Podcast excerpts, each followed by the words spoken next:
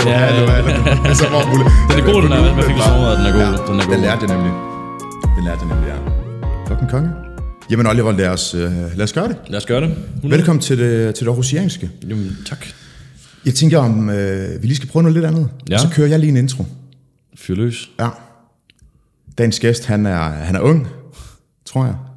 24. 24. Lige fyldt. Så ved, ved godt, hvis man siger, at man lige er fyldt, så er man ret ung stadigvæk. Ja, Ja, true. Ja. 24 et halvt. ja, ja præcis. Dagens gæst, han er ung. Han er hårdt arbejdende. Han er horsensianer, har jeg googlet mig frem til, at det hedder. Mm. Han er på en mission om at bygge Danmarks bedste e-mail marketingbureau. Han er co-founder og administrerende direktør i PoType.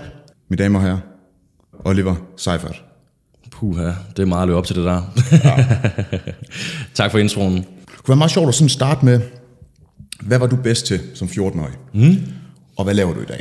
Jeg har fået at vide af mine lyttere, jeg skal være bedre til sådan lige, du ved, hvem fanden er det, jeg snakker med? Ja. Jamen, øh, ja, fedt. Lad os prøve der. Øh, jamen, altså, da jeg var 14 år gammel, der handlede mit liv faktisk kun om én ting. Øh, jeg dyrkede elitesport, jeg dyrkede motocross på rigtig højt niveau, og det var det, jeg levede og åndede og brugte alle mine timer på. Gik også, på det tidspunkt gik jeg vel også på eliteskole i Horsens, så selv min skolegang handlede om min sport. Altså alt, hvad jeg lavede på det tidspunkt, var dedikeret til det her. Og ja, som man kan sige, det har jeg også lært enormt meget fra, i forhold til at drive egen forretning nu. Hvad kræver det for at lykkes med sine mål?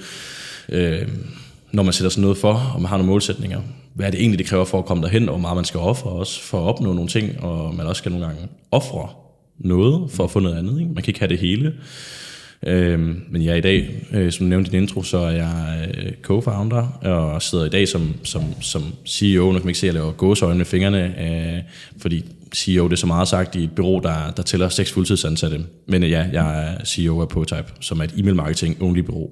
Hvad er hele, hele målet eller planen med, med det? Ja, det, det, det er et stort spørgsmål, og øh, også et spørgsmål, som vi nogle gange stiller os selv, og som gennem tiderne har ændret sig enormt mange gange.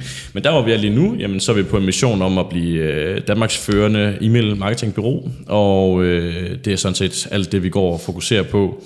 Øh, vi vil gerne have det bedste produkt på hylden, der hvor du får den, den fedeste service, så det handler ikke kun om kvaliteten af produktet, men det handler lige så meget også om oplevelsen af vores produkt. Altså noget, vi går rigtig meget op i, det hele den her sådan, alt det her rundt om, om produktet, basically, når du køber et bureau, jamen, hvornår, hvad laver de, hvornår laver de det, hvordan laver de, hvor meget kommunikerer de med dig, altså alt det, man på, på fancy øh, ordsprog kalder stakeholder management, mm. øh, hvis vi skal bruge det ord, jamen, hvordan sørger vi for at blive de bedste på den del også, så det ikke kun er produktet, men, men også lige så meget øh, hele sådan, ja, oplevelsen, som jeg sagde før. Og så har vi så en måde, vi gerne vil differentiere os på, det er, at vi altid gerne vil være data first, og dem, der er for, for, hvad kan man sige, forrest på data, og alt, hvad der er banebrydende inden for marketing.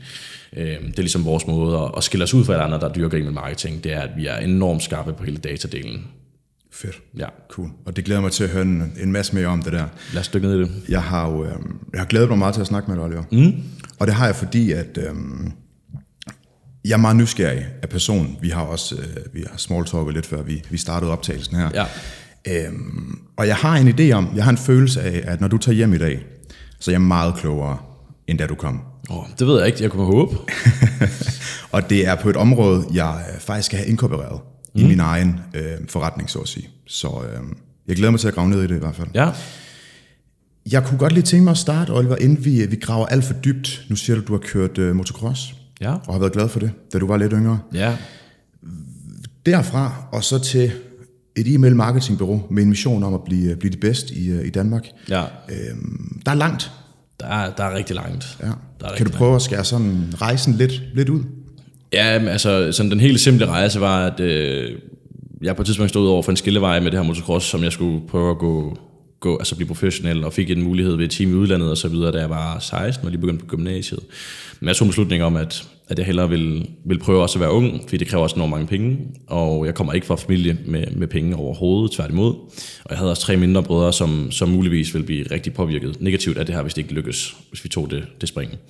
Så ja, så lad os bare fast, fast forward igennem et gymnasie, som, som så mange unge, unge mennesker lever, og så havde jeg et enkelt sabbatår. Og så, ja, Potype og email marketing kom egentlig enormt tilfældigt for mig. Jeg skulle ud og rejse jorden rundt, og så kom det der corona.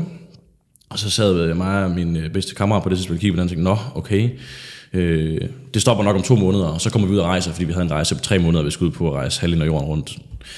Nå, men hvad kan vi så lave i mellemtiden? Jamen, øh, han kendte en, der hed Christina, som solgte kurser i email marketing. Der tænkte han, øh, hun, var, hun var god ven af familien, og der kunne vi sgu nok godt få et email marketing kursus til en rigtig god pris, og så kunne vi bruge tiden lidt på det. Og jeg har altid interesseret mig for digital marketing, men jeg havde tænkt, at det først skulle være, skulle være senere i livet. Jeg skulle, jeg skulle kigge ind i det kapitel. Mm.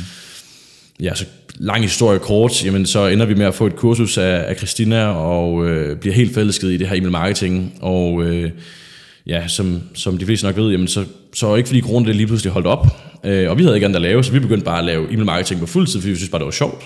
Og så begyndte hende og Christina øh, Klitskov, øh, som har et storm, enormt stort netværk øh, inden for marketing, og så nævner os rundt omkring, og så lige pludselig ringer telefonen med en ordre, og så med en ordre mere, og jeg glemmer aldrig første ordre, vi fik, hvor vi sådan lagde på, og så aftalte aftale, nogle, nogle timeantal, så ringte vi op til Christina og spurgte, øh, hvad skal vi tage i timen? Og så sagde hun, 450 kroner, og så var vi sådan, vi bliver millionærer. Altså, vi var vant til at arbejde for 130. Du ved, sådan der er 24 en, timer på et døgn. ja, og vi var vant til at arbejde for, for, for, for 100, 125 kroner på vores øh, du ved, almindelige job. Du ved, sådan, okay, shit. Vi vidste jo vi anede jo ikke engang på det tidspunkt, du kan ikke sidde og fakturere fuldtid hele tiden heller. Vi var så, så, så grønne i det. Ja. Men jeg kan tydeligt huske, at vi stod i sådan en baggård i Horsens, så vi fik at vide, at vi var helt op at køre.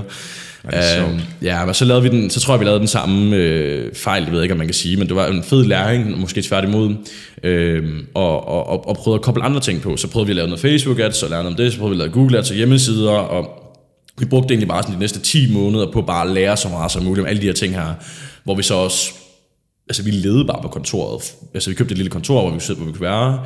Øh, vi startede faktisk min lejlighed i første to måneder, til vi havde nok ordre til, at vi kunne sådan, fordi et lille kontor. Øh, men vi levede bare i det her, fordi vi synes bare, det var skide fedt og skide spændende, og der var ikke nogen, der var ikke, man kunne ikke tage i byen, øh, som en af man kunne ikke synes, det var nogen fest, man skulle leve i de her corona-bobler og så videre, så vi var bare sådan, nå fedt, så har vi sgu da noget at kaste os ud i.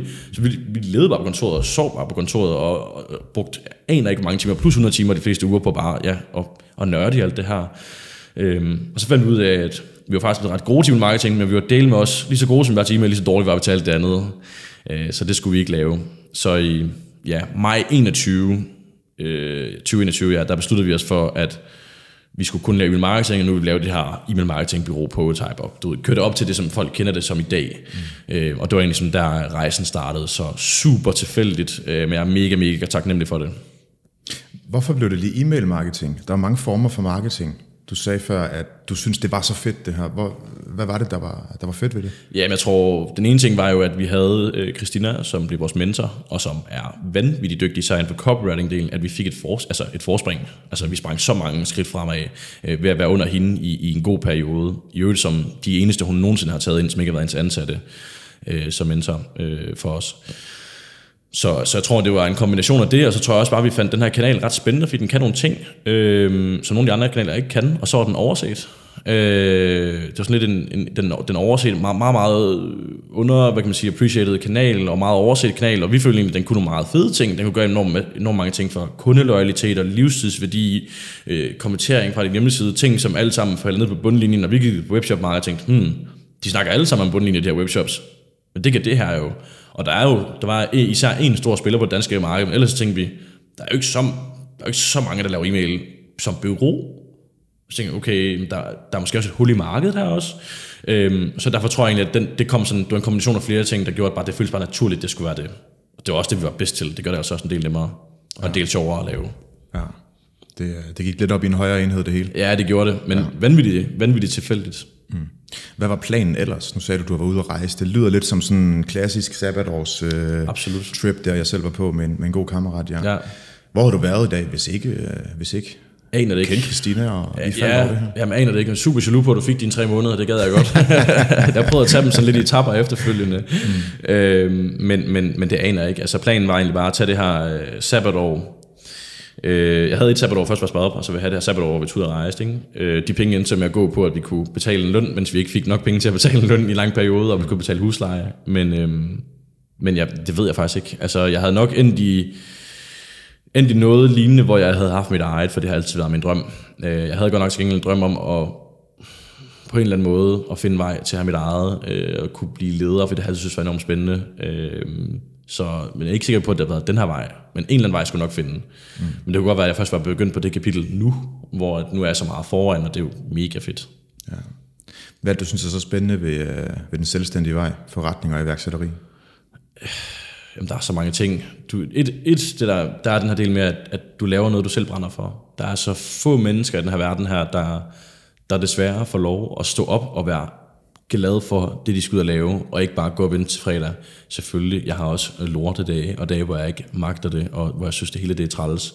Men klart de fleste dage, så er jeg super motiveret. Efter aftensmad om aftenen, så smider man computeren op, fordi man bare har lyst, og fordi det er så spændende. Øh, den del gør mig, altså man kan være så glad omkring sit arbejde, og arbejdet fylder bare nærmest 50% af de vågne timer, hvis ikke mere nogle gange, i hvert fald for mig, at jeg kan bruge så meget af min hverdag på noget, jeg synes, der er spændende og godt. Det er, ja, det, det, det er helt klart en af tingene. Øh, men det er også fordi, jeg finder den her selvstændige, det lyder sådan så banalt, men, men det her med, at man har sin egen virksomhed, hvor man arbejder på sit eget projekt og sin egen forretning, arbejder på noget, der virkelig vækster, og noget, der betyder noget, det tror jeg, det er det, jeg finder enormt spændende ved det. Ja. Så det er det, der gør en forskel? Ja, helt sikkert. Ja. Kunne udvikle noget, kunne gøre noget, der rent faktisk skaber noget, og man kan se håndgribeligt, du ved, det giver noget, det vækster ja. noget, det udvikler noget. Altså, kvæg min tidligere baggrund øh, som sportsøver på højt niveau, jamen jeg er enormt konkurrencepræget. Det er mit nummer et ting på min talentprofil. Så bare det, at jeg kunne konkurrere med vores egen målsætninger, kunne konkurrere med konkurrenter, eller små ting, jeg sætter mig i hovedet på ugenlig basis, eller ting, jeg det, det, det holder mig høj, altså nærmest høj i hverdagen. Mm. Og så har jeg målrettet som nummer tre, og udviklende som nummer to. Øh, så jeg elsker også det med at have ansatte, fordi det gør den udviklende del i mig. Øh, og så målrettet delen, det siger sig selv, hvad det giver. Ja. Øh, så, så det passer enormt godt også til den person, jeg også er. Det er TT38, ikke? Sig. Ja. Den er fucking interessant. Den er, er mega spændende. Den bruger vi på alle vores ansatte. Den bruger mm. vi på selv praktikanter. Øh, alle ansatte, vi har ansat, de får en TT38, hvor der er en specialist bagved, der går det igennem det, det er guld værd. Ja, jeg kan huske, der, der tog den, det var en, det var en no-brainer. Det ja. var sådan, okay, det giver fucking mening. Det, det er, mega derfor. fedt. Især hvis man har en mega dygtig person bagved til at forklare sig det, så, ja. så giver det sindssygt god mening. Og det har vi altid på nye ansatte. Øhm, og vi har dem endda sågar til at ligge på kanten af vores kontorbord. Okay. Så, så, så når de andre specialister de har deres daglig, så bliver de hele tiden mindre om, hvem den her person er, og hvordan de spiller den person bedst. Mm. Vi har endda sågar også arbejdet det ind i arbejdsrollerne, så det er, at dine roller passer mere til din T38. Så det at være en e-mail-specialist ved Påtag, ja, det indebærer nogle roller og nogle ting, men din kundeportefølje, du har, om det er store, små eller mellemkunder, jamen det er afhængigt af, hvad din T38 siger, du er bedst til. Øh, men også kundeopgaverne, du har, der hvor du bliver udviklet hen imod, det er fokus på, hvad du er bedst til. Og så prøver vi faktisk at eliminere, hvad du er dårligst til. Rigtig mange arbejdspladser går ind og siger, okay, du er mega god til det her, men du har de her to mangler, dem skal vi lige have fikset. Mm. Det gør vi ikke her, der siger vi, væk med dem. Det behøver du slet ikke tænke på. Du skal bare gøre det, du som naturligt falder dig godt ind.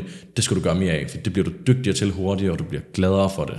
Mm. Og det kommer også til at give et afkast til dig som glade medarbejder, det smitter af på mig som kollega, og dit arbejdshumør, og højst sandsynligt også din produktivitet. Ja, det er meget godt set. En ting er, at man, man selv ved, hvad der driver en, hvad man selv er dygtig til. En anden ting er jo, at, at teamet ved det, så de kan spille en god jo. Ja, altså vi havde sådan en hel session, hvor, hvor der var vi fem på det tidspunkt, der, hvor vi sådan havde, ham her Niklas Pyrdol inden, han bruger vi vores rekruttering. Ja, enormt, dygtig. enormt dygtig, vanvittigt dygtig. Han har lavet alt, hvad der hedder, altså øh, HR i vores forretning, alt. Mm. Øh, men, men jeg han var inde, hvor vi fik en masse opdagelser, selvom man har, vi havde kendt hinanden i lang tid på det tidspunkt, der arbejdede rigtig mange timer sammen, så fik man lige pludselig stadigvæk nogle aha-oplevelser. Åh, oh, okay, det giver mening, hvorfor du reagerede sådan af dengang, og hvad jeg skal gøre i stedet for nu her. Det er bare, det er, det er virkelig effektivt på dem. Ja, helt vildt. Ja. Fedt. Og især det, der kommer en konsulent på, der sådan, øh, der sådan lige skærer det her ud i pap, mm. og lige forklarer de ting her. Ja, hvordan det bliver, hvordan det bliver til virkelighed i dag til dag. Altså, hvordan bliver de her, hvordan bliver de her talenter til, til noget, vi sådan, hvordan, hvordan kan jeg håndtere, altså, hvordan kan jeg bruge det til noget? Hvordan kan, det, hvordan kan jeg hjælpe dig som kollega med det, for eksempel? Ja. ja. Det er du ret i. Hvad er det, man siger? Viden er, viden er sølv.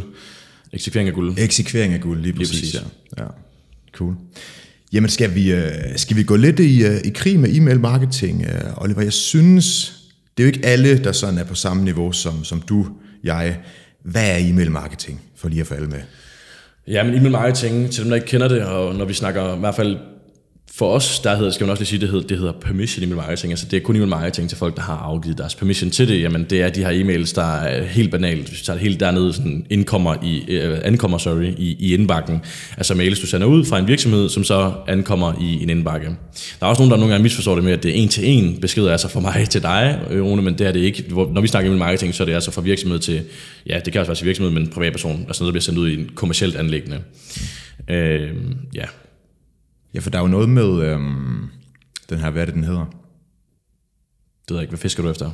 Den der, hvor man ikke må ringe op til folk, medmindre de har givet permission. Mm. Robinson-listen. Ja.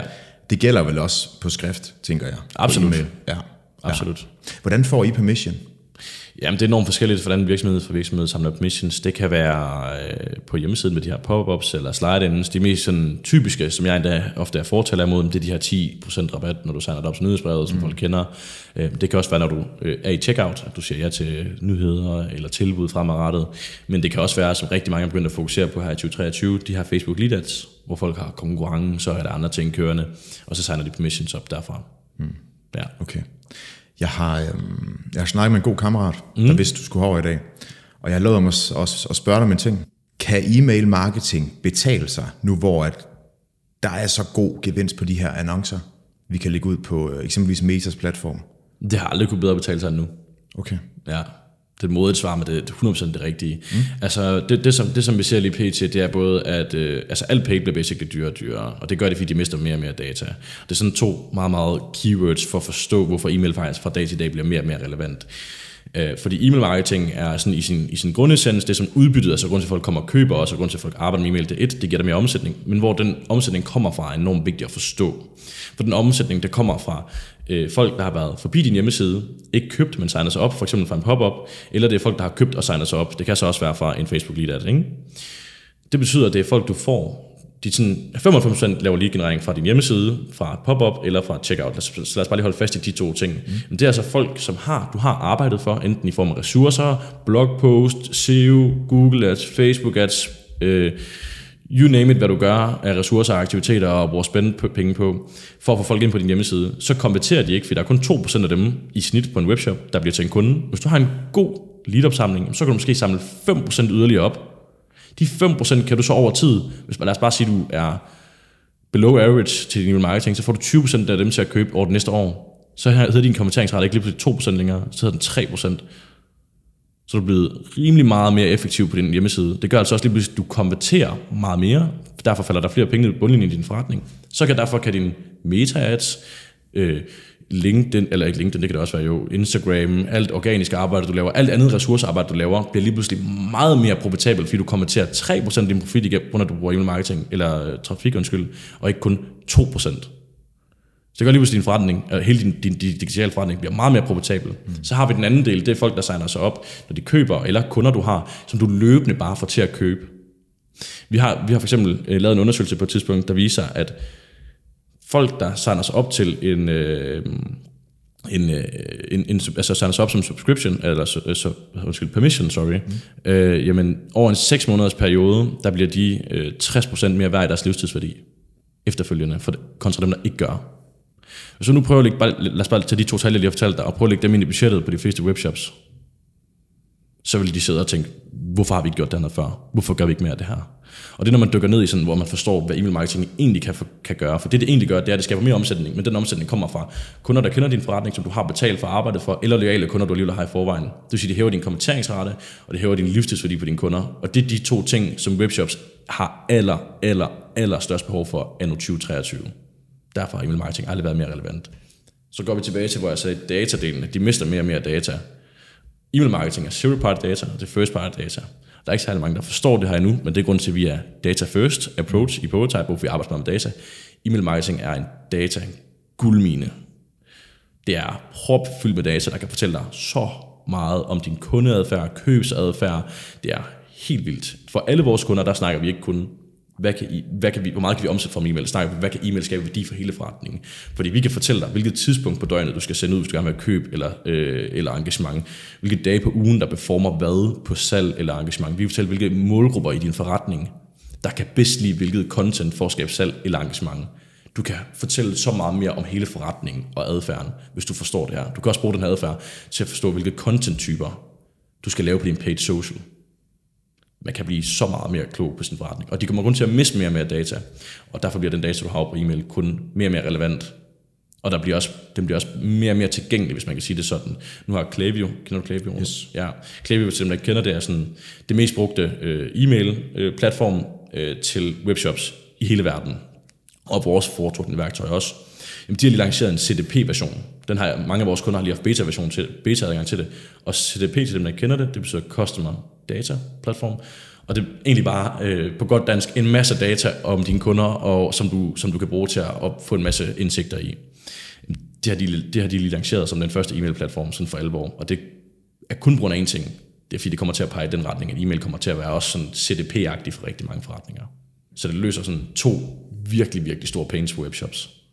Og så øh, tilbage til spørgsmålet, vores gennemsnitlige ROI på vores kunder, efter for vores ydelse, øh, til, for at svare direkte på hans spørgsmål, ligger på 15,1 i gennemsnit.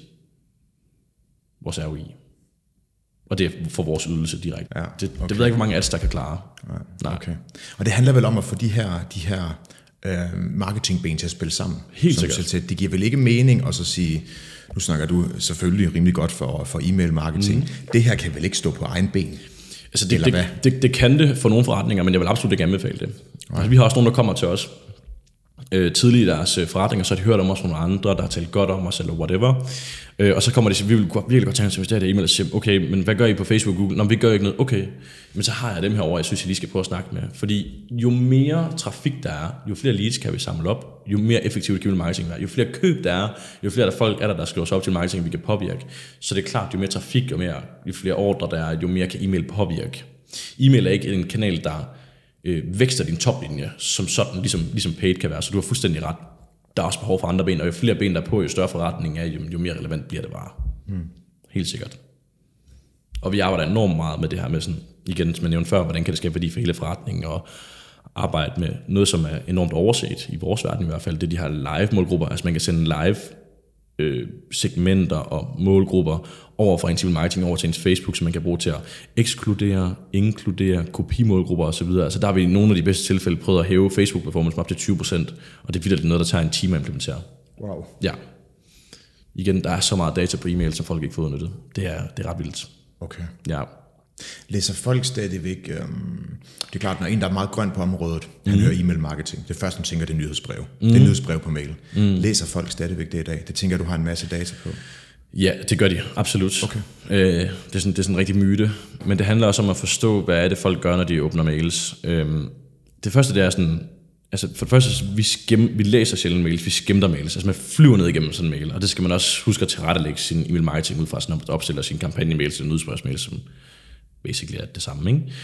Øhm, og så er der den anden del, og så er der sådan en anden myte, jamen, altså, øh, som folk har sagt mange gange, er e-mail marketing over, overhovedet relevant? Altså kan man sige, øh, jeg kan, jeg kan i hvert fald ikke lide at modtage mails, og så plejer jeg at sige til folk, det kan jeg heller ikke, eller jeg kan i hvert fald ikke lide at modtage mails, som er ikke relevante for mig, som er røvligegyldige og røvkedelige. Men jeg kan godt lide, lide at modtage mails, der er segmenteret til mig, der er relevante og skaber værdi. De mails elsker jeg skulle læse. Mm. Og de brands, der servicerer mig med dem, jamen, de ved også, de får altid min åbning og får altid noget engagement for mig. Ja. Check Me Tomorrow er en af dem. Jeg er altid, når de sender til mig.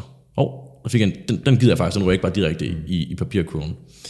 Øhm, så vi har, i, en anden, en anden, et eksempel på det der med, at det handler virkelig om, at du skaber værdi med din e-mail marketing, det, jeg prøver, det jeg prøver at sige. Da jeg sad lige og lavede LinkedIn på, til jeg kom herover, hvor jeg lige opdagede det i dag på en af vores kunder. Vi overtog dem for cirka et halvt år siden.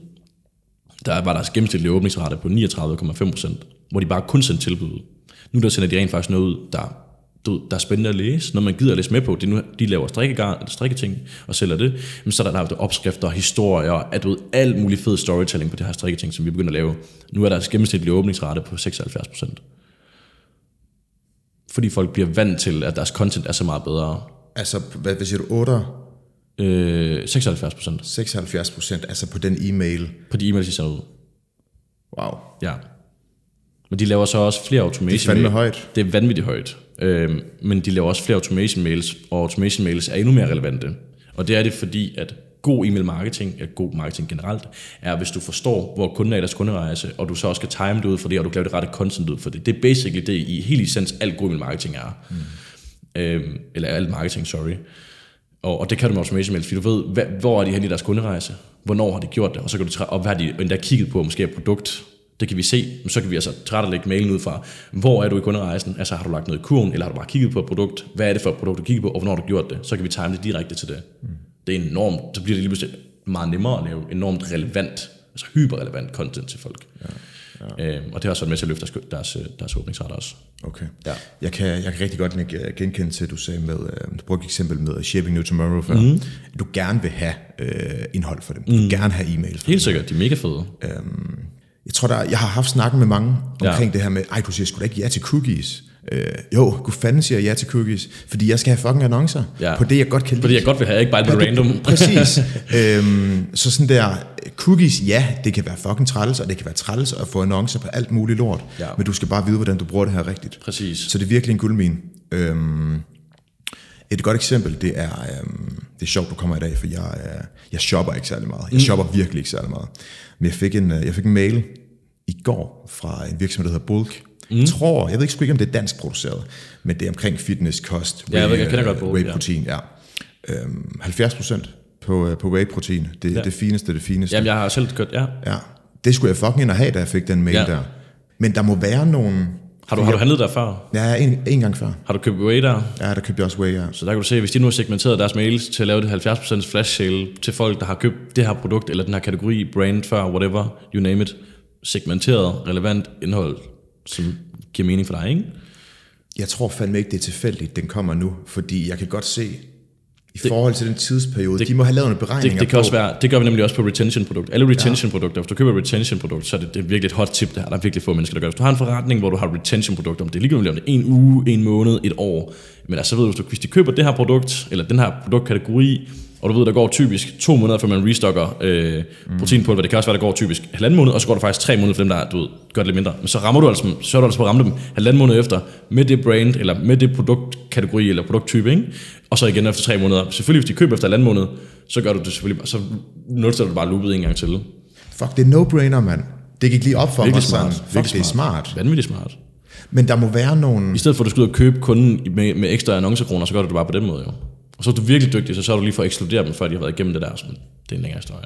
Og sørg for hvad? Så sørger du måske for at, inkludere dem i, øh, med live-målgrupper, så du siger, okay, dem her, i det her vindue på den her uge her, det er sådan, så passer det med, at så er der gået halvanden måned, hvor det er den gennemsnitlige tid, der går, for at du køber nyt. Så, arbejder vi, så sender vi den over til Facebook, og så ved Facebook, der bruger vi ekstra mange annoncekroner på en meget mindre målgruppe, og angriber dem mega hårdt, fordi vi ved her, at det er typisk, at de, du du ved øh, hvad, hedder, hvad hedder det dansk? Øh, reuse, altså der køber de produktet igen, ikke? Genkøb. Ja, genkøber ja, ja. de produkter, lige præcis, tak. Okay, Ja. okay. Men der må sgu da være nogle, nogle regler for...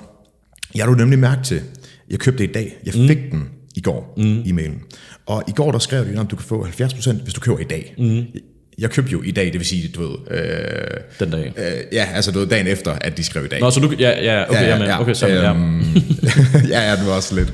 Men, men, men der må sgu da være et eller andet. Du kan jo ikke bare blive ved med at sige sådan, Åh, hvis du kører i dag, så kører du en uge efter, eller dagen efter. Åh, så er det stadigvæk gældende. Er der nogle regulationer i forhold til, eller er det rimelig... Ikke, ikke af, hvad jeg ved af. Vej. ja, det er det jo. Men det, det bestemmer de jo selv, hvad de gør med deres egen kampagner. Mm. Og du så skriver, jamen den, altså noget man jo kunne gøre, jeg ved ikke om den indhold, indholdt den sådan en timer, der tikkede ned. Nej, det gjorde Det det. ville ellers være fedt, hvis så havde du virkelig sense of urgency, en anden emotionel trigger, der er fed at spille på. Ja. Øh, men også bare det, de skriver i dag, er jo allerede sense of urgency i sig selv. Og så tænker du, åh, oh, du har den stadigvæk op lige og kigger, oh, det gør den godt, skynd dig mig at købe. Ah, der var jeg godt nok heldig. Ja, lige, lige, præcis, lige, lige Ja. præcis. Det er jo, kan jo sagtens være, at de er meget bevidste omkring, hvad de gør der er jo også. Ja. ja. Okay, det er fucking interessant. Hvad er god sådan... Hvad er god e-mail marketing? Hmm, jamen det var vi lidt inde på lige før. Mm. Noget, der rent faktisk skaber værdi. Ja. Vi, vi Noget, der skal virker? Tænke, ja, men altså, det, det, det kan sgu være mange ting. Øh, men, men man skal bare huske altid, når du sender en mail, så forstyrrer du folk øh, enten på deres arbejde, i deres privatliv, uanset hvad, så forstyrrer du med deres indbakke. Og det har du bare en god undskyldning for. Så skal du måske tænke over det. Hvis du sørger for det, så er det nærmest ligegyldigt, hvilken form for email marketing, om du sender 10 kampagner eller sender en kampagne. Det vil altid fungere godt, fordi at du rent faktisk skaber værdi. Altså, du, du, du har en årsag til at forstyrre dem, hvis man kan sige det sådan. Øh, det, er, det er sådan grundessensen for os, det er altid, øh, og det siger vi også til mange nye klienter, når vi er i gang med onboarding øh, eller salgsprocessen, jamen prøv at, når I kommer over til os, så skal bare vide, det handler ikke om salg, det handler, hvor I måske sælger 80% salg nu, og 20% content, jamen, så er det måske 80% content og 20% salg nu, det skal I bare være opmærksom på. Øh, det sjove er så altid det, der sælger, hvis der faktisk er god content, så sælger det sig selv, og så har du, slipper du for en 20% rabatkode, så har du også de 20% bedre margin på det, du sælger, og du, øh, hvad kan man sige, nedbringer din brandværdi mindre, fordi du ikke behøver hele tiden at sælge på rabatter, så bliver det også nemmere at have en sådan en mere steady salgskurve, ikke? fordi du ikke behøver at drive det på rabatter. Så det er sådan nogle andre afledte effekter af det. Øh, men god email marketing, det er marketing, der skaber værdi, og det gør du igennem ved at sørge for, at det er relevant for, dem, folk, der modtager det, og det rent faktisk øh, ja, giver mening, som jeg nævnte tidligere. Det, er bare, det skal bare være værdiskabende. Ja. ja. Handler i bund og grund om at kende sin, uh, sin målgruppe. Helt kende sikkert. Kunder rimelig godt. Helt sikkert, du kan gøre det igennem segmentering, data enrichment. Der er mange måder, du kan skaffe den her data og lære at forstå dem, og så sætte den direkte til dem. Ja. Øh, nu kunne det være dig, øh, du købte det her whey protein, som jeg jo også selv har, har købt før tidligere. Jamen, så sender man måske nogle informationer om det, eller en ny smag, der kommer ud af det, og sådan ting. Eller andre, her er et lignende, noget der minder om whey, men som kan give nogle andre fordele, eller noget, der kan give god mening sammen med det her proteinpulver, fordi du lige har købt det. Øh, sådan ting kan give sygt god mening. Okay. Ja. Når sådan, når sådan virksomheder, det kan også være en privatperson for den sags skyld, øh, vil opbygge et brand den vej, men, men nok hovedsageligt virksomheder, når de vil i gang med det her, de kan skide ja. godt se ideen. Det lyder som en jungle, når man er grøn på området. Ja. Hvor fanden starter man, Oliver? Ja, men start, start simpelt, og start med det første. Der er ingen grund til at overgøre det. Altså, jeg tror, man kan selvfølgelig gøre det på mange måder, min anbefaling, primær anbefaling vil være at starte med det første, det er, at du skal have folks øh, permission til større for, for op, oparbejdet, og det er det første, man skal gøre. Øh, en pop-up på hjemmesiden med noget, der er relevant, så prøv som du kan lade være med at lave... Øh, øh, 10% rabatkode, hvis du nu var, var det der brand, vi snakker om, lad os holde den med den bulk, så kunne det være, øh, at du øh, vi trækker et lod om et gavekort på 2.000 kroner hver måned til shoppen. Øh, det er mere mindre brand øh, devaluerende end for eksempel 10%. Det er en super mærkelig... Jeg plejer at sige til folk, hvis nu der kommer nogen ind ad døren i din butik, og du har en fysisk shop, eller en fysisk butik nede på, nede på strøget i din by, vil det så det første, du sagde til folk, når du gav hånden med dem, når de kom ind ad døren og sige, hej og velkommen, vil du have 10% rabatkode på det, du køber? Eller vil du sige, hej og velkommen. I dag der kan du, øh, hvis du køber eller skriver det op herover, være heldig og vinde vores topsælgende produkt herover på hylden. Eller du kan være heldig, at vi trækker i lod om 1000 kroner til vores shop hver måned. Dem kan du øh, bruge på hvad som helst du vil. Så kan du bare lige huske, når du går ud af døren her i dag, at du skriver det op herover. Det er i hvert fald mærkeligt at sige, hej velkommen her 10% på øl, uanset hvad du køber. Det er en super mærkelig... Det virker useriøst. Det virker useriøst nemlig, lige præcis. Det virker som om, du, du ikke selv øh, på en eller anden måde har, har har tillid til dine priser, og tingene ikke burde koste det, de koster på en eller anden måde. Øh, så, så sådan prøver jeg at pleje at sige til folk, vil du så gøre det, siger folk tit, nej, det vil jeg nok egentlig ikke. Siger, mm. Præcis. Plus, at hvis du har den der 10% rabatkode, nu er det lidt lille rant, men det er, at øh, på rigtig mange folk, der har tænkt sig at købe uanset hvad, kommer til at signe sig op og så bruge den 10% rabatkode, eller 20% som nogen gør, eller endnu mere. Men det er altså rigtig meget margin og profit, du kommer til at trække ud af din virksomhed ved folk, som alligevel har tænkt sig at købe, men som bare skriver sig op og så afmelder sig. Så det er heller ikke særlig gode leads, du får. Ja. Men igen tilbage til sporet. Jeg vil starte med det første. Det er at lave en lead-generering på hjemmesiden. En pop-up, hvor du siger, her, bare start helt simpelt. Det kunne være det her, du får 1000 kroner gavekort til min webshop hver måned. Eller hvis du sælger kurser, øh, hver måned så trækker jeg et, en, der får lov at få gratis adgang til kurset. Ikke? Og så vil jeg sige, okay, jamen, vi skal have nogle kampagner ud. Der vil jeg sætte to, fire, seks i måneden, og så altid planlægge forud. Så lave kampagner om noget, du synes, der giver mening, noget, du synes, der skaber relevans, noget, der måske også, hvis du er virkelig dygtig, præsenterer og viser dine USP'er, altså hvorfor man burde købe dig. Og det er der en masse værktøjer om veje til. Det kan også være, at du skal prøve at lave kampagner om, der nedbryder de her barriere, og til hvorfor man ikke skulle købe det, ikke skulle købe hos dig. Øh, prøv at nedbryde nogle af de barriere, nogle af de overvejelser, som folk sidder med. Så sådan, det er de første to ting, og så vil jeg så altid anbefale med at lave automations, for automations er en guldmine. Så lav øh, noget velkomstautomation, så når man skriver sig op, hvor man byder velkommen til ens e-mail marketing. Her vil du kunne forvente af mig. Øh, der, og det er en fantastisk mulighed for at lære folk, at når de, det e-mail, de modtager fra dig, det rent faktisk er fedt, og dem skal de altid sørge for at åbne. Så mød dem med noget mega fed storytelling. Øh, fortæl om dine USP'er. Ik- ikke sige, her er mine USP'er, men fortæl måske en eller anden storytelling om en eller anden, eller fremvise noget Trustpilot, eller fortæl, at øh, du ved, hvis, du sender, hvis du køber i dag inden 12, så har du det i morgen, fordi vi har altid levering på x antal timer, eller x antal døgn, og så forklare en eller anden historie om en eller anden Trustpilot, der fik noget, eller en eller anden totalt fed kundeservice historie, I har. Fortæl sådan nogle historier af jeres velkomst, så skal folk nok selv belønne jer med køb. Øh, og så prøv at kigge på andre automations. Hvis man har webshop, så kan det være abandon cart, altså når man lægger noget i ikke køber. Det kan være post-purchase. Og når man så laver alle de her automations, så prøv at tænke over, at det handler ikke om, at jeg skal sælge folk noget, men det handler om, at jeg skal hjælpe folk videre, at den kunderejse, de har i forvejen. Så skal de nok selv finde ud af, hvad de gerne købe. Så i stedet for at sige, hov, hvorfor lader du, hov, jeg har stadig holdt det her kode for dig, det kan du lige skynde dig at købe, fordi det synes jeg, du skal have 10% rabatkode så sige, hey, hvad, hvad der er gået galt, kan jeg hjælpe dig? Øh, du har lagt noget kur, men du har ikke foretaget købet. Hvis du køber inden for næste fire timer, så har du ordren i morgen, og her er øh, e-mailen til vores kundeservice, eller nummeret, så du kan ringe øh, direkte til mig endda måske, øh, og så kan jeg hjælpe dig på vej øh, med at finde det rigtige produkt, eller svare på de spørgsmål, du måtte have til, hvorfor du kan købe Prøv at se, om man kan tage lidt mere en service-minded vej. Det gør også bare nogle fede ting for ens brand. For nogle helt andre typer kunder, end du altid skal købe dig til kunder med rabatkoder. Og det kan man også sagtens gøre. Men, man kan bare hurtigt negligere produktet, ikke? Ja, og det ja. Der, man kan også gøre begge ting. Altså, man kan prøve med det første, øh, og prøve at være mere service så kan man sige, okay, til sidst, så kan man så prøve det andet middel, ikke? Mm. Ja, men det er sådan, basically, så vil jeg kigge på de tre ting, ja, så vil jeg så løbende øh, optimere på baggrund af den data, man får. Ja, for det trækker du en masse data ud af, der kan du justere hen ad vejen. Rigtig jeg. Det, er jo, meget. det er jo ikke noget, hvor du knækker den på, på Nej, nej, nej. Så, som det er med alt andet, prøv at bare prøv nogle ting af. Øh, og, og nogle gange kan det også være ret fedt at bare sende en mail og spørge åbent, hvad for noget content har du kunne lide? Og det har jeg sendt til dig i min, i min marketing, jeg vil gerne gøre det federe for dig. Mm. Det er sådan en super noller måde at gøre det på, men folk elsker det, fordi de føler virkelig, at okay, du, du, du, du, du, bryder, du, du tager dig faktisk tid, og, og du giver faktisk en fuck for, hvad det er, jeg modtager. Øh, Så det er også bare en simpel måde, at man også kan finde ud af, hvad folk godt kan lide af content. Jeg elsker, når virksomheder de inddrager kunderne i, i hele den rejse der. Helt sikkert. Ja, ja. Jeg havde en snak for, uh, for, nogle, uger, for nogle uger siden. Um, gode ven, der skulle have... De, de kører deres forretning ud fra konsulenttimer. Ja. Øhm, og det vil sige, der er jo ligesom et gap, som du også måske mm. erfarede dengang, øh, vi snakkede om dengang, I, I, I lige startede op. Mm. Så de vil gerne inkorporere en abonnementsforretning i, mm. deres, øh, i deres virksomhed. Mm. De ved bare ikke hvad. Og der snakkede jeg med dem om, det kunne være meget sjovt.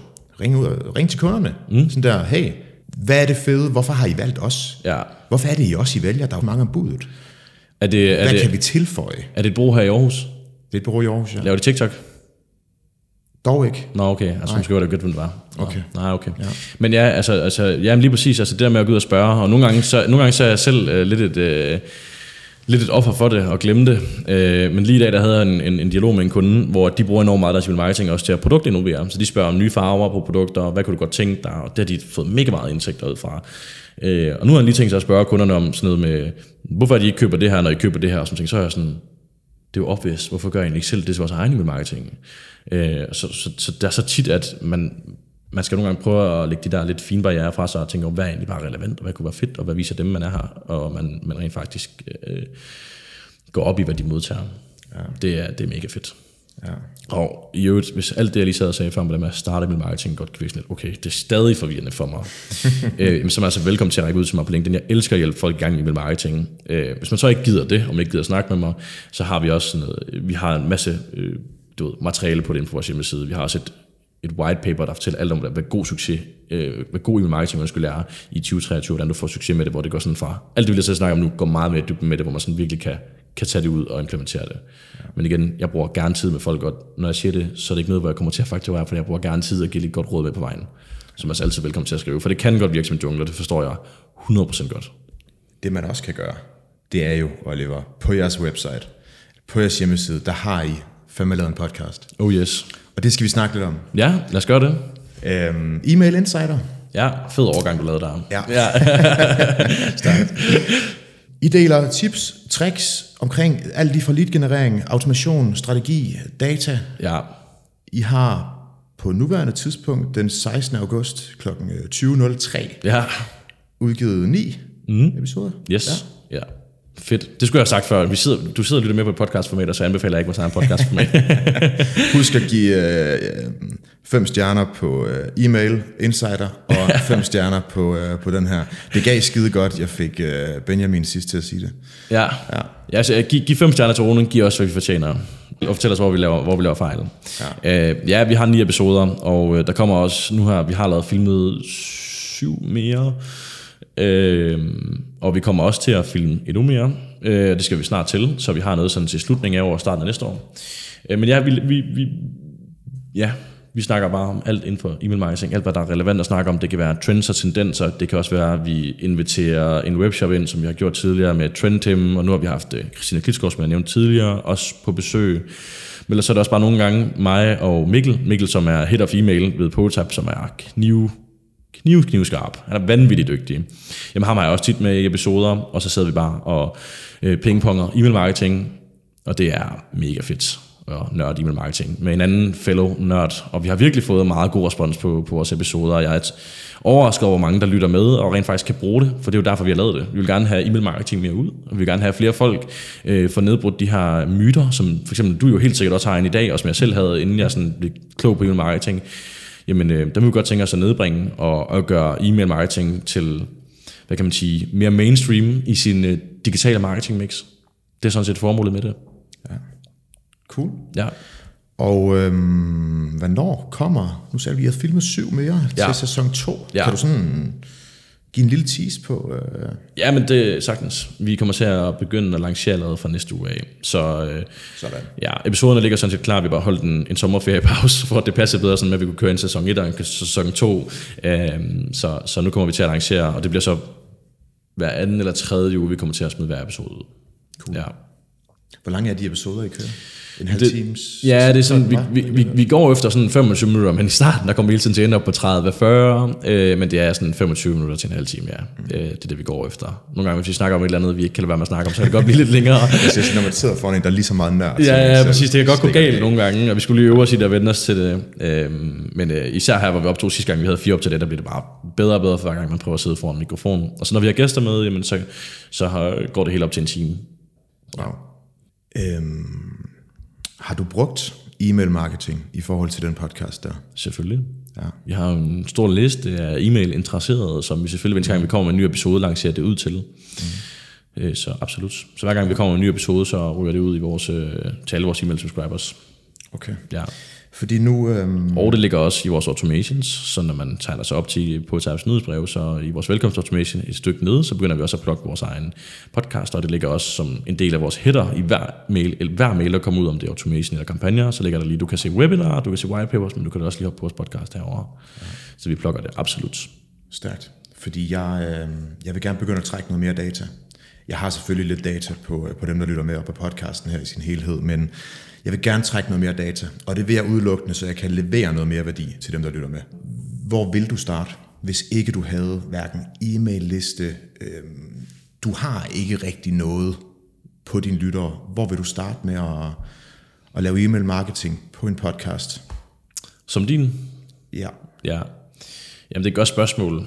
Øh, men jeg vil sådan set starte med det, som du er, og det er jo et personligt brand, eller i hvert fald bygger hen imod. Øh, så jeg vil starte med at lave en helt almindelig øh, ja, e-mail, i helt almindelig e-mail marketing, der bare handler om podcast og alle de emner, du laver, og, til, og så vil jeg lægge det ud på LinkedIn. Hey, jeg har lavet det her nyhedsbrev, hvor du kan være de første til at få nyheder omkring min podcast, hvor jeg også laver deep dives, og jeg laver øh, timestamps, så du nemmere kan finde rundt i episoderne, og jeg laver udtræk for episoderne med de hotteste emner, så en, hvis det nu var den her episode med, med Oliver fra Potype, jamen så kunne det være, at vi, jeg lavede en mail, der handlede om, hvordan kommer du i gang med god marketing, der trækker det ud, Oliver lavede, og sender ud i nyhedsbrevet, og så laver jeg så også lidt link ned i bunden, så du kører resten af episoden. Altså, der er masser af måder at dele det content ud.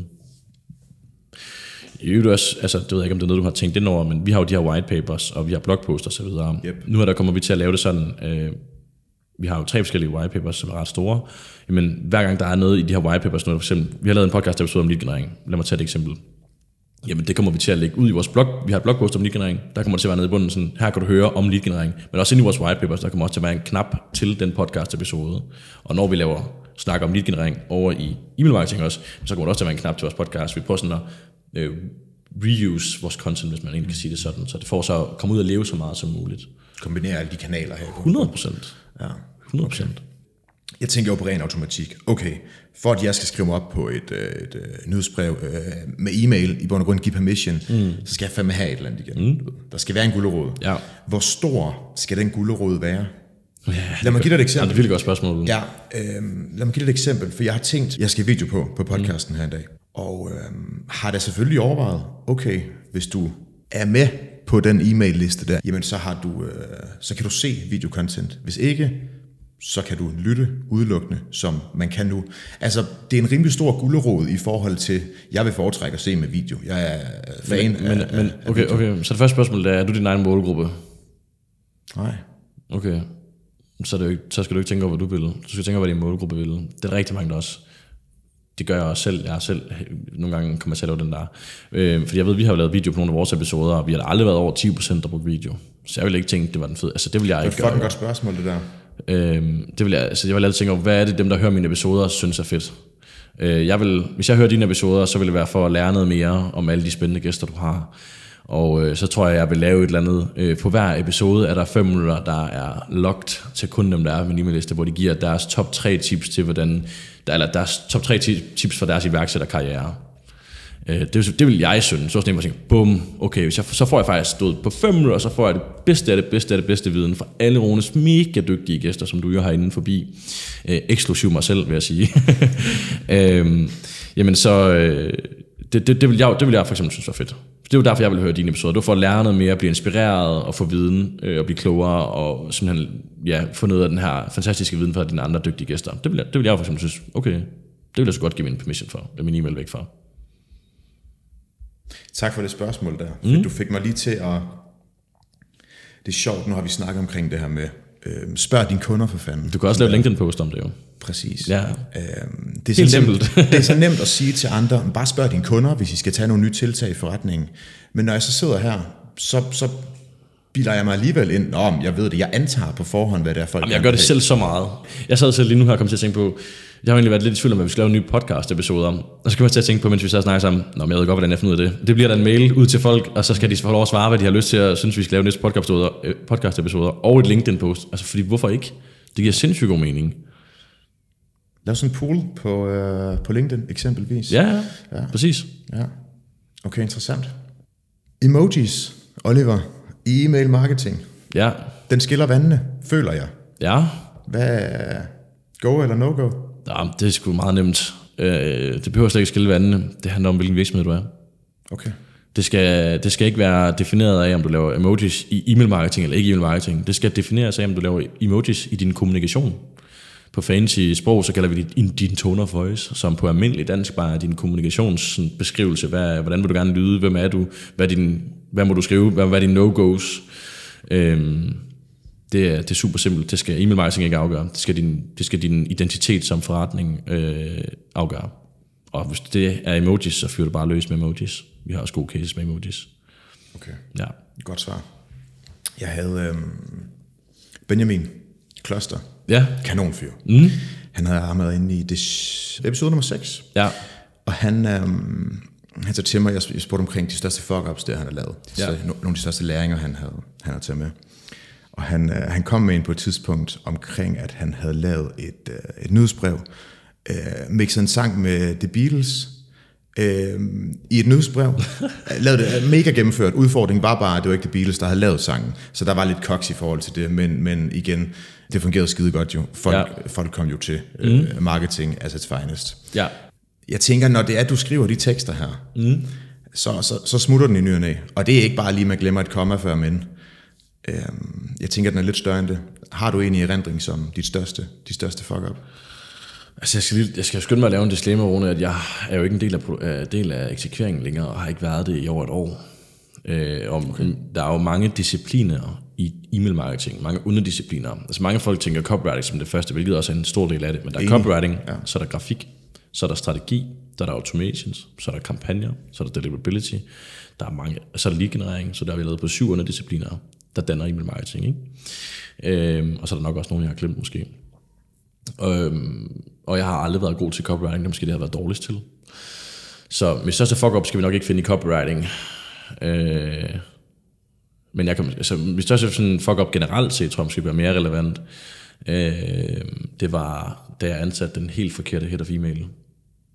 Samtidig med, at jeg lavede to andre fuldtidsansættelser, og på det tidspunkt var vi kun to eller tre. Så vi lavede fordoblet vores mandskab på en gang. Og den her head of female skulle ind og trække det, men det var den helt forkerte person. Og efter 14 dage, så var, så var hun ude igen. Og jeg stod med en forretning, som, hvor jeg slet ikke kunne håndtere al den vækst, vi havde sat i gang. Det var min største fuck up. Det kostede mig helt sikkert på den anden side en halv million. Både sådan i direkte omkostning, men også i tabt. Altså også meget mere, hvis vi snakker tabt øh, vækst. Der gik jo syv måneder, før vi fandt den rigtige head female. Og i den periode, der stod jeg jo med et ben i de to lejre, som jeg ikke skulle have haft.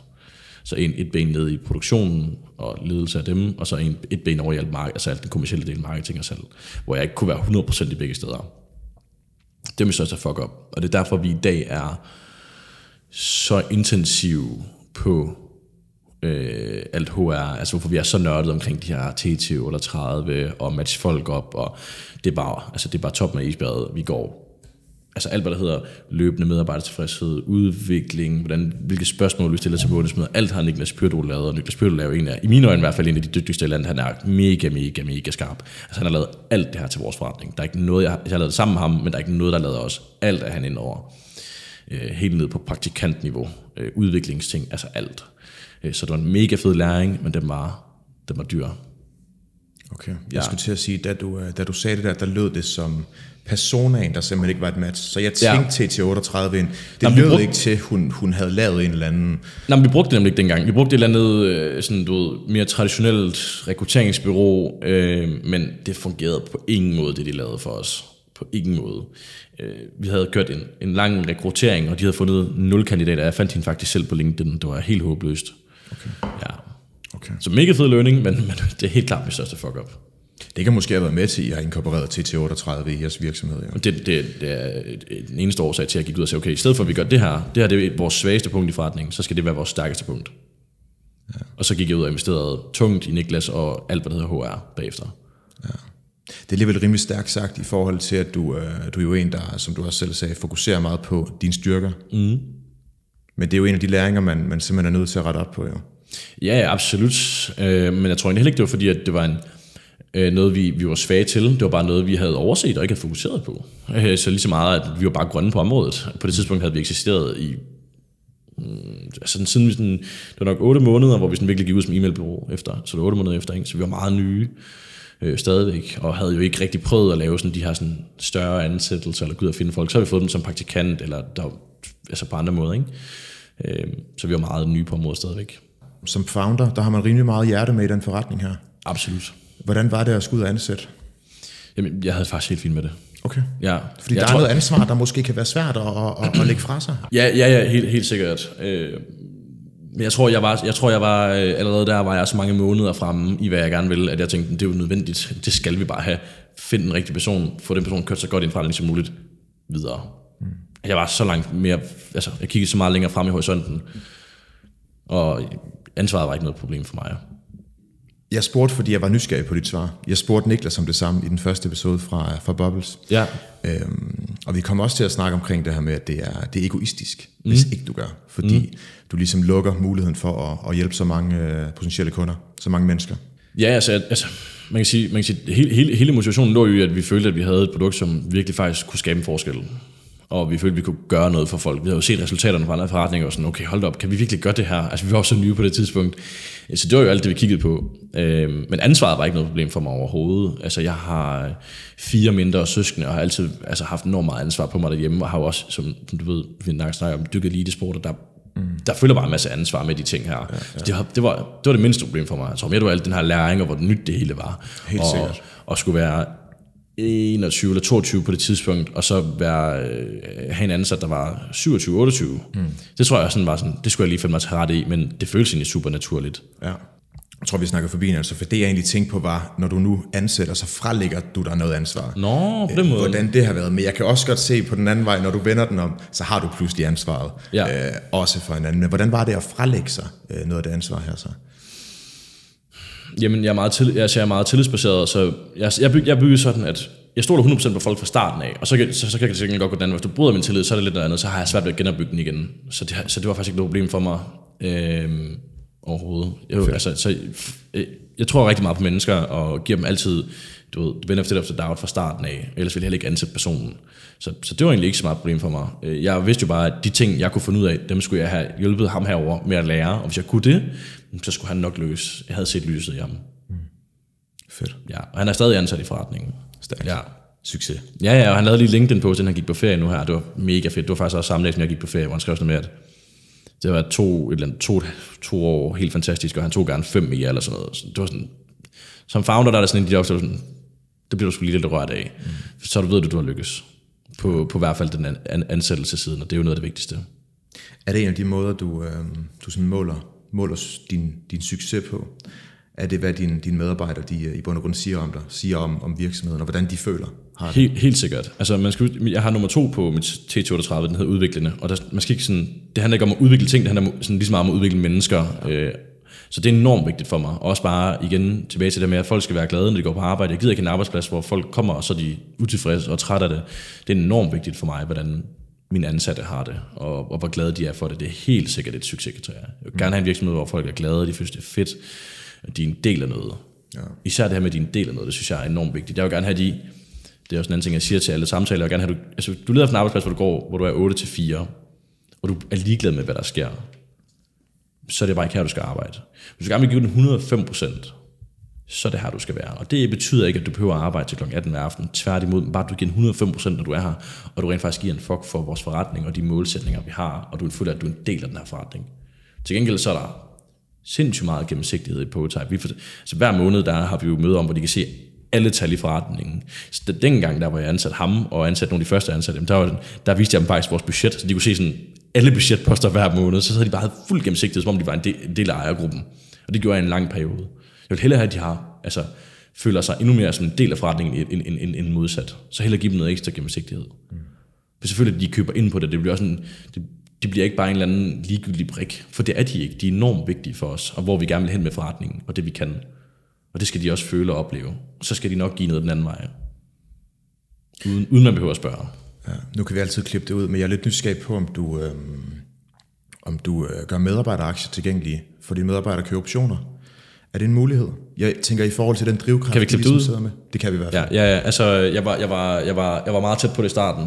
Øh, hvis jeg selv havde 100% og havde købt de 50% af min partner der, så havde jeg gjort det. Okay. Øh, og jeg, havde, jeg var faktisk i gang med at undersøge det, men selvfølgelig det koster sådan noget 200.000 for at køre. Øh, og det, det er jo hvor vores overskud, altså, altså alle vores investeringer det år, der gik på det for eksempel. Og så er jeg kommet lidt længere væk fra det nu, øh, fordi jeg tror på, at man kan, jeg tror på, at du kan motivere, uden at det behøver at være igennem medarbejderaktier. Eller det ved jeg, at du kan. Og det ved jeg, at vi kan nu. Det gør vi nu. Vores medarbejdere, altså, selvfølgelig er nogle dage, hvor vores medarbejdere går kl. 16, men hver dag, der møder de før om tid. Og 9 ud af 10 dage, det går de også først kvart over, 20 år. Og det er ikke fordi, de skal og sidde og kigge på uret, for jeg siger det, nej, det er fordi, de har en opgave foran sig, og man går ikke, før man er færdig med det, fordi vi leverer noget til kunderne, som der skal være 110% altid. Og det er ikke noget, jeg siger til dem. Det er ikke noget, Mikkel, som er ansvarlig for dem nu, siger til dem. Det er bare en del af vores identitet i vores forretning. Og det er fordi, de rent faktisk føler, at de er en del af forretningen, og fordi de ved, hvor vi er på vej hen, og de sidder hver måned og kigger, åh, noget ved de der salgstal, hvad med det der turn, og alt det her. Ja. Så, så hvis du giver dem noget, så skal de nok give dig noget tilbage igen. Men man skal lade med at forvente, at ens ansatte bare kommer og siger, hov, nu har jeg lyst til at arbejde for dig, fordi det har jeg bare lyst til. Sådan var jeg selv i starten. Jeg har altid været en, en, en go-getter, altså en, der bare tonser igennem med ting, jeg, jeg sætter mig for. Øh, sådan er jeg bare som person. Og det var, faktisk en af mine, det var faktisk en af mine sværeste learnings med det her, det var bare, at folk er bare ikke ligesom mig. Folk har ikke lyst til, og ud, af det så ejer jeg altså også 50% af forretningen, så det er altså også en ret stor motivation for mig. Der, de ejer nul. Men jeg forventede, at de også bare har lyst til at bare knokle på. Men altså, det er jo ikke det samme. Men, men- men man skal finde nogle andre måder at motivere dem på at gøre dem en del af rejsen, og det er jo det, vi altid gerne har vil os. Og det har virkelig betalt sig nu. Altså, nu havde jeg lige et møde med en af vores... Øh, vi skal have lavet noget med vores egen marketing, et lidt større projekt. Øhm, og øh, jamen, head of øh, e-mail Mikkel, jamen, øh, han, var, han var bare lige klar på at tage en weekenddag sammen med mig, og det var vores specialist Savian også. Tag en helt lørdag ud af deres kalender. Det var, ikke, altså, det var ja, ja, selvfølgelig gør det bare det. Ja. Vi skal bare lige finde ud af, hvornår der er plads, jeg ikke skal noget. Der er, der er andre måder at motivere medarbejdere på en medarbejderaktie, og der er andre måder at motivere sælgere på en provision. Helt sikkert. Helt sikkert. Og du får måske også nogle lidt mere rene motivationer, som måske også kan være sundere, både for medarbejderne, men især også for virksomheden. Det er jo en af de største issues, der er med provision. Altså, det kan godt virkelig have nogle store konsekvenser, for eksempel. Ja. Det kan gå ud over, øh, at kunderne bliver solgt det rigtige produkt, at man er for aggressiv, øh, og det går ud over deres livstidsværdi og deres oplevelse af forretningen, og ja, det giver en masse ripple effects, ikke? Nu laver jeg lige en, øh, en offentlig tease. Kender du Martin Thorborg? Mm. Jeg har skrevet derop på min, uh, min lille vision board derop, at uh, Du har jeg, fremme så, med? jeg så har så godt nok skrevet det i datid, som at det er sket. Mm. Uh, det, uh, det tror jeg er en, en god måde at gøre det på. Men jeg vil rigtig, rigtig gerne have Martin Thorborg med i den her podcast, fordi jeg vil fucking gerne snakke provision med ham. Mm. Jeg, Han vil, du vil også have mega god energi med ham. det tror jeg nemlig, jeg vil. hvad hedder det, øhm, jeg, jeg har skrevet lidt med ham på et tidspunkt. Christina, der er der, min gamle mentor der, hun er jo gode venner med ham, altså gode venner. Okay. Jeg føler kuldegysninger. Det vil jeg fandme gerne, mand. Ham vil jeg fandme gerne snakke med. Ja. Fordi han er, øhm, en ting omkring ledelse, han er, jeg, jeg synes, han er en af Danmarks dygtigste. Ja, min næste bog, jeg skal læse, det er hans nye bog. Den ligger på mit bord nu. Jeg har lige blevet klar til den. Hvad er det for en, der er et par... Den der leder en, han lige lavede. Yes, den er... Og den du er har også læst Super Trends. Hvad har du ellers, hvad har du ellers over? Den, går der lige, hvad, den står der. Hvad er det for en? Øh, Super. Super Trends med Lars Tvede, ja.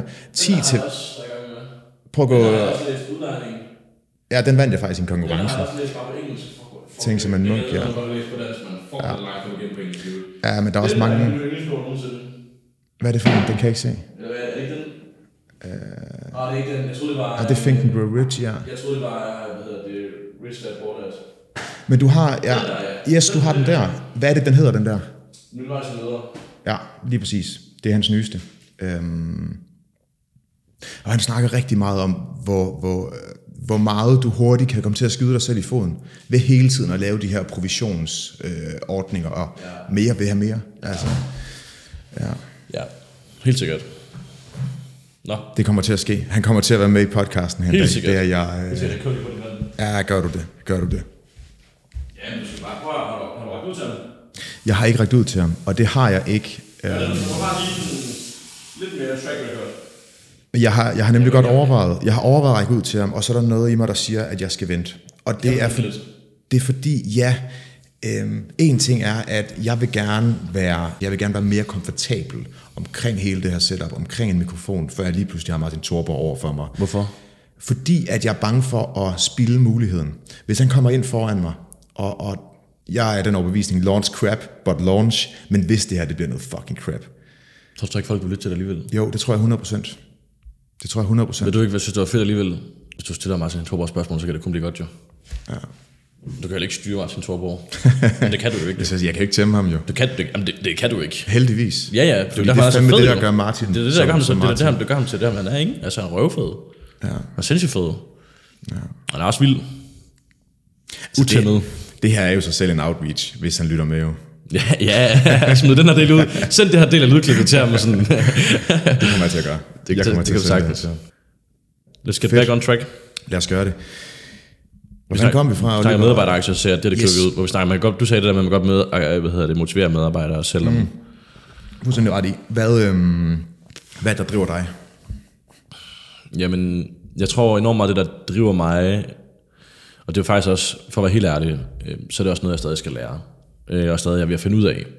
Men det, der driver mig rigtig meget, det er væksten, og altså det her med sådan, øh, udviklingen i forretningen, og enormt meget udvikling af mit team og min ansatte, og se dem blive klogere, øh, og så vores kunder udvikle sig, vækste, gå til nye markeder. Okay. Det er det fedeste. Det tænder jeg enormt meget på. Og det gælder det samme med vores, sådan, du, vores altså interne teamet, når vi ser vores specialister udvikle sig, blive dygtigere. Og de, øh, Katrine, der er kommet ind som, som praktikant ved os, og aldrig hørt ordet email marketing, og som bare er sindssygt skarp i dag. Andreas, min første ansat, som startede, og ikke engang vidste, hvad marketing var, og som bare er mega, mega, mega dygtig i dag også.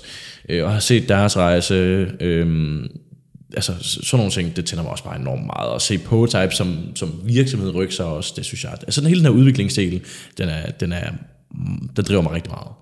Det kan jeg godt forstå. Hvorfor?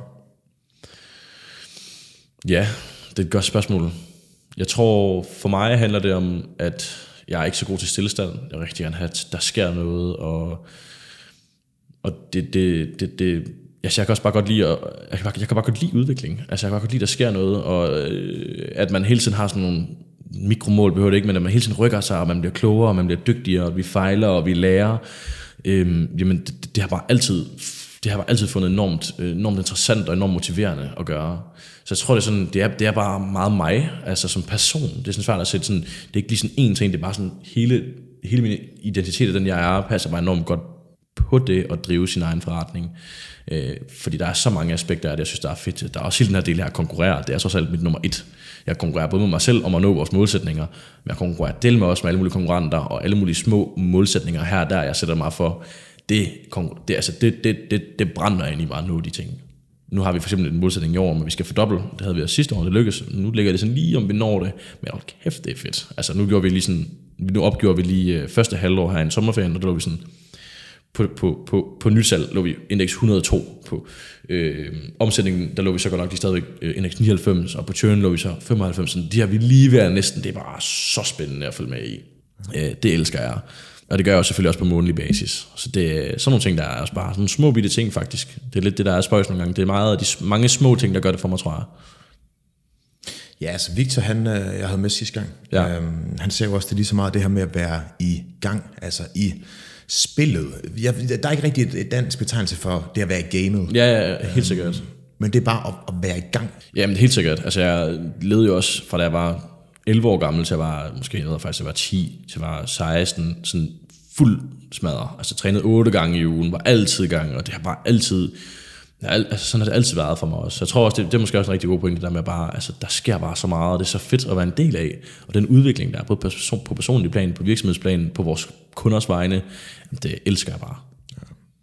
Hvad er din, din, din sådan der... Hvad er din drøm? Kan Ja. man sige det? Ja, det kan man da godt. Øhm, og jeg tror også, jeg har, har igennem tiden haft rigtig mange. Da jeg var mindre, der var det øh, at have drømmebilen, sådan en Ferrari 558 Spider, der er i postkassen rød. Jeg synes, den er fantastisk smuk. Mm. Øhm, det er sådan set også stadigvæk en af mine drømme. Øh, måske sådan et, men, men min drømme har rykket sig rigtig meget fra at være materialistiske og økonomiske til at være meget mere omkring, øh, hvad der, altså sådan, meget mere personligt og sådan fokus på, på sådan mindset og mindfulness og glæde og lykke. Måske, måske det rigtige ord er bare lykke egentlig. Og, og gøre noget, jeg er glad for. Gøre noget, jeg føler, der skaber en forskel. Det er min drømme. Sådan helt, helt, helt ude i fremtiden, så gad jeg godt at have noget, hvis jeg bliver så dygtig, som jeg håber, jeg gør, og opnår så meget, som jeg håber, jeg gør, sådan helt ude i fremtiden, så gad jeg virkelig godt at lave noget, hvor at jeg hjælp andre øh, unge mennesker, som har måske haft en svær opvækst, øh, og som måske ikke har haft de bedste vilkår, som også gerne vil noget mere med deres liv, hjælpe dem på vej. Øh, det er sådan, det vil jeg føle den ultimative sådan, øh, ja, fulfillment af, øh, lykke af, ja, mening med livet. Helt sikkert, det er min største drøm. Hvad bunder det i? Øh, jamen, det, det, det, det, det bunder i, at min egen opvækst ikke har været sådan vanvittig nem. Øh, har mistet min mor faktisk et halvt år i næste efter Pogotype, og har haft en turbulent opvækst på mange punkter. Øh, noget jeg faktisk nærmest aldrig har snakket om tidligere, hvor jeg nu om dagen er blevet meget mere åben omkring det. Fordi jeg håber, at jeg på en eller anden måde bare kan hjælpe en eller anden person, der har været noget lignende igennem. Så det er det, er det, det bunder i. Og hvor svært jeg ved, det er, når du kommer helt dernede fra. Mm. Det vil jeg føle sådan, altså det, det kan give mig gåsehud bare at tænke på det. Det vil, det vil, og det, der var tidligere var, var jeg, for at være helt ærlig, røvlig glad med det. Øhm, der var det bare ud og, du ved, at have succes, og så kan man måske få den her bil, eller den her lejlighed her, og jo mere af det man får, jo mere finder jeg bare ud af, hvor ligegyldigt det er. Og det ikke gør mig altså, mere glad overhovedet. Det gør nogle ting nemmere, men det gør sådan set også nogle ting sværere. Øh, men jeg har bare fundet ud af, at det ikke er det, der i sidste ende gør mig glad. Overhovedet. Jeg begyndte at tænke meget, at, øhm, at det, der giver en mening, det i mange tilfælde stammer fra det, man i bund og grund manglede eller havde brug for i sine Absolut. yngre år. Helt sikkert. Jeg vil altid gerne have det, vi ikke havde. Præcis. Ja, sådan er det altid. Præcis, og, øhm, og der er en meget sådan klar, klar sådan episode, der sådan popper frem i mit hoved. Ja. Det var da jeg var de her 16, lige fyldt 17 år, ja. Øhm, der var det svært for mig at få CVR-nummer. Du skulle være 18 jo. Ja. Det var en fucking kamp. Jamen, kunne du så gøre det igennem dine forældre måske, eller sådan noget? Det kunne jeg ikke. Nå, okay. Det kunne jeg ikke engang, nej. Øhm, Jeg ved, Jesper, Jesper Buch har også været ude og sige på tidspunkt, for de, de sagde jo, at han, han var ikke bemyndiget til at stå. Ja. Ja. Sådan der, hvor han så sagde, jeg sagde, altså, hvad fuck mener I? Sådan der. Ja. Når var det ud for dig, eller hvad? At hjælpe dig? Nej, nej, Nå, men, okay. nej, men han har selv oplevet det med hans datter Nå, Fie der. ja, ja. Øhm, Jamen, hvor- jeg ved også, jeg har en kammerat, hvor der også var et problem for. Øh, altså, det, ja. Det var fucking ensomt dengang, fordi der var jo ikke nogen, altså når du er 16-17 år, der er fucking ikke mange, der er sådan der går ud i iværksætteri. Det er måske mere populært i dag, det tror jeg, det er. Ja, det tror jeg. I hvert fald med mainstream mere populært og sådan lidt mere... Det er altid lidt, lidt, mere, lidt mere populær kultur faktisk at være det, helt sikkert. Ja. Øhm, og også mere normalt, hvor dengang var der, ja, altså, der var det med ingen, altså, der gjorde det. Jeg havde lige ham den ene kammerat, ham kaldte vi iværksætter fordi han var så meget iværksætter allerede i 7. klasse. Han var meget iværksætter. Han har Watery. Han er meget okay. iværksætter. Ja, ja. Det er ham, tjek. Ja, han er super dygtig. Øhm, ja. Men det er den eneste, og jeg kendte ikke nogen anden, du ved, som, som overhovedet drømte om at have en virksomhed på det tidspunkt, eller sådan på det, altså drømte om fremtiden, men ikke på det tidspunkt. Ja. Øh, Så det tror jeg helt sikkert, du har ret i, at det, ja. det, det var svært og også mindre normalt. Ja, ja. Fordi det, jeg manglede dengang, for lige at vende tilbage til, Ja. øhm, det, jeg manglede dengang, er lidt det, jeg forsøger at skabe nu. Ja, Jeg kunne fucking godt bruge en podcast, der, hvor der blev snakket om iværksætteri, hvor der blev snakket om de her udfordringer. Ja. Øh, Hvor der blev snakket om, fuck top og bundlinje, Ja. sådan der, men hvor der bliver snakket om, hvorfor du, Oliver, på baggrund af de ting, du har været igennem. Ja. Hvorfor du tænker, som du gør. ja. Fordi jeg manglede fandme nogen at spejle mig i. Det kan jeg godt se. Det giver rigtig god mening. Der var ikke den de her netværk på samme Nej. måde, der er i dag. Altså, Det, er- ja, men det, det, det, er der, det er jo bare, der podcast. Jeg, jeg vidste bare ikke, de eksisterede. Ja, der, så var der Amino. Præcis, der var, Det var, det var, Amino, lidt- det var den eneste, jeg kunne... Hvilket jo på, på, på ingen måde er lige så nemt tilgængelig content, som det er her, hvor du bare kan gå ind og finde du ved, den ene værksæt efter den anden, og så høre podcast med dem og så videre. Ja. Så, så, så det, det, det giver rigtig god mening. Ja. Okay, ja. Det tror jeg, du var fuldstændig ret i. Nå, interessant. Det var lidt, uh, lidt et spring, men ja. uh, uformalitet, det, ja, ja, det, det kan godt lide. Det kan vi sagtens. Ja. Hvad, uh, hvad husker du som den største uh, sådan nedtur, Oliver? Det behøver ikke være i, i forretningslivet, men sådan generelt i din erindring. Hvad... Ja, men det, altså, det er, det er, da jeg mister min mor. Okay. Helt sikkert. Det er, det, der er ikke noget, der kan være i nærheden af det. Øhm, ja, så, så det, det er den største nedtur for mig. Igen, jeg har også, det er noget, jeg har lært ufattelig meget af. Øhm, men det var, det var det hårdeste, den største nedtur, jeg nogensinde har haft, absolut. Jeg stod i en situation, hvor at, øh, både min, generelt min opvækst med min mor har været meget, meget turbulent øh, generelt på min mors side. Øh, men, og hvor jeg også mistede min pappa over på den side, også nogle år før øh, og gjorde, at jeg stod med en lille søster, som, som var forældreløs lige pludselig, og min storebror var forældreløs i forvejen og så videre, og jeg skulle faktisk holde min mors begravelse og stå for den, i samtidig med, at jeg også kunne tænke på mig selv. Det gjorde jeg så ikke, øh, men det var den største nedtur, jeg absolut har været igennem, men det har gjort mig... Altså, jeg ved, altså nogle gange har det svært, så kan jeg tænke, okay, hvis jeg klarer det der, så er der ikke noget, der er svært herfra. Øh, så det, jeg lærte enormt meget af det, og det gav mig meget selvtillid omkring mig selv, og sådan tillid til mig selv, men, men absolut det sværeste, jeg har været igennem. Tror du, du havde haft så altså, sundt et mindset i dag, lavet prototype, været så god fysisk form, hvis ikke uh, den tragedie, den ligesom havde taget, taget sted? Mm, nej. På ingen måde. Det var også, altså på, på en eller anden måde var det også, nu var det prototype blev stiftet et halvt år efter hun døde, ikke? så på mange måder var det også min escape på det tidspunkt. Så øh, det var, hvilket, hvilket ikke var så sundt i starten, øh, men jeg har, som jeg har fået løst og, og kommet igennem og så videre, men så det var ikke sådan sindssygt sundt i starten. For så kunne jeg jo bruge al min tid på det, og så lægge tankerne væk. Ja. Men sådan det største, jeg sådan selv, hvis jeg skal, sige, det er sådan mest glad for, at jeg selv har opnået, jamen så er det egentlig at komme så langt, som vi er kommet med det, jeg kom fra.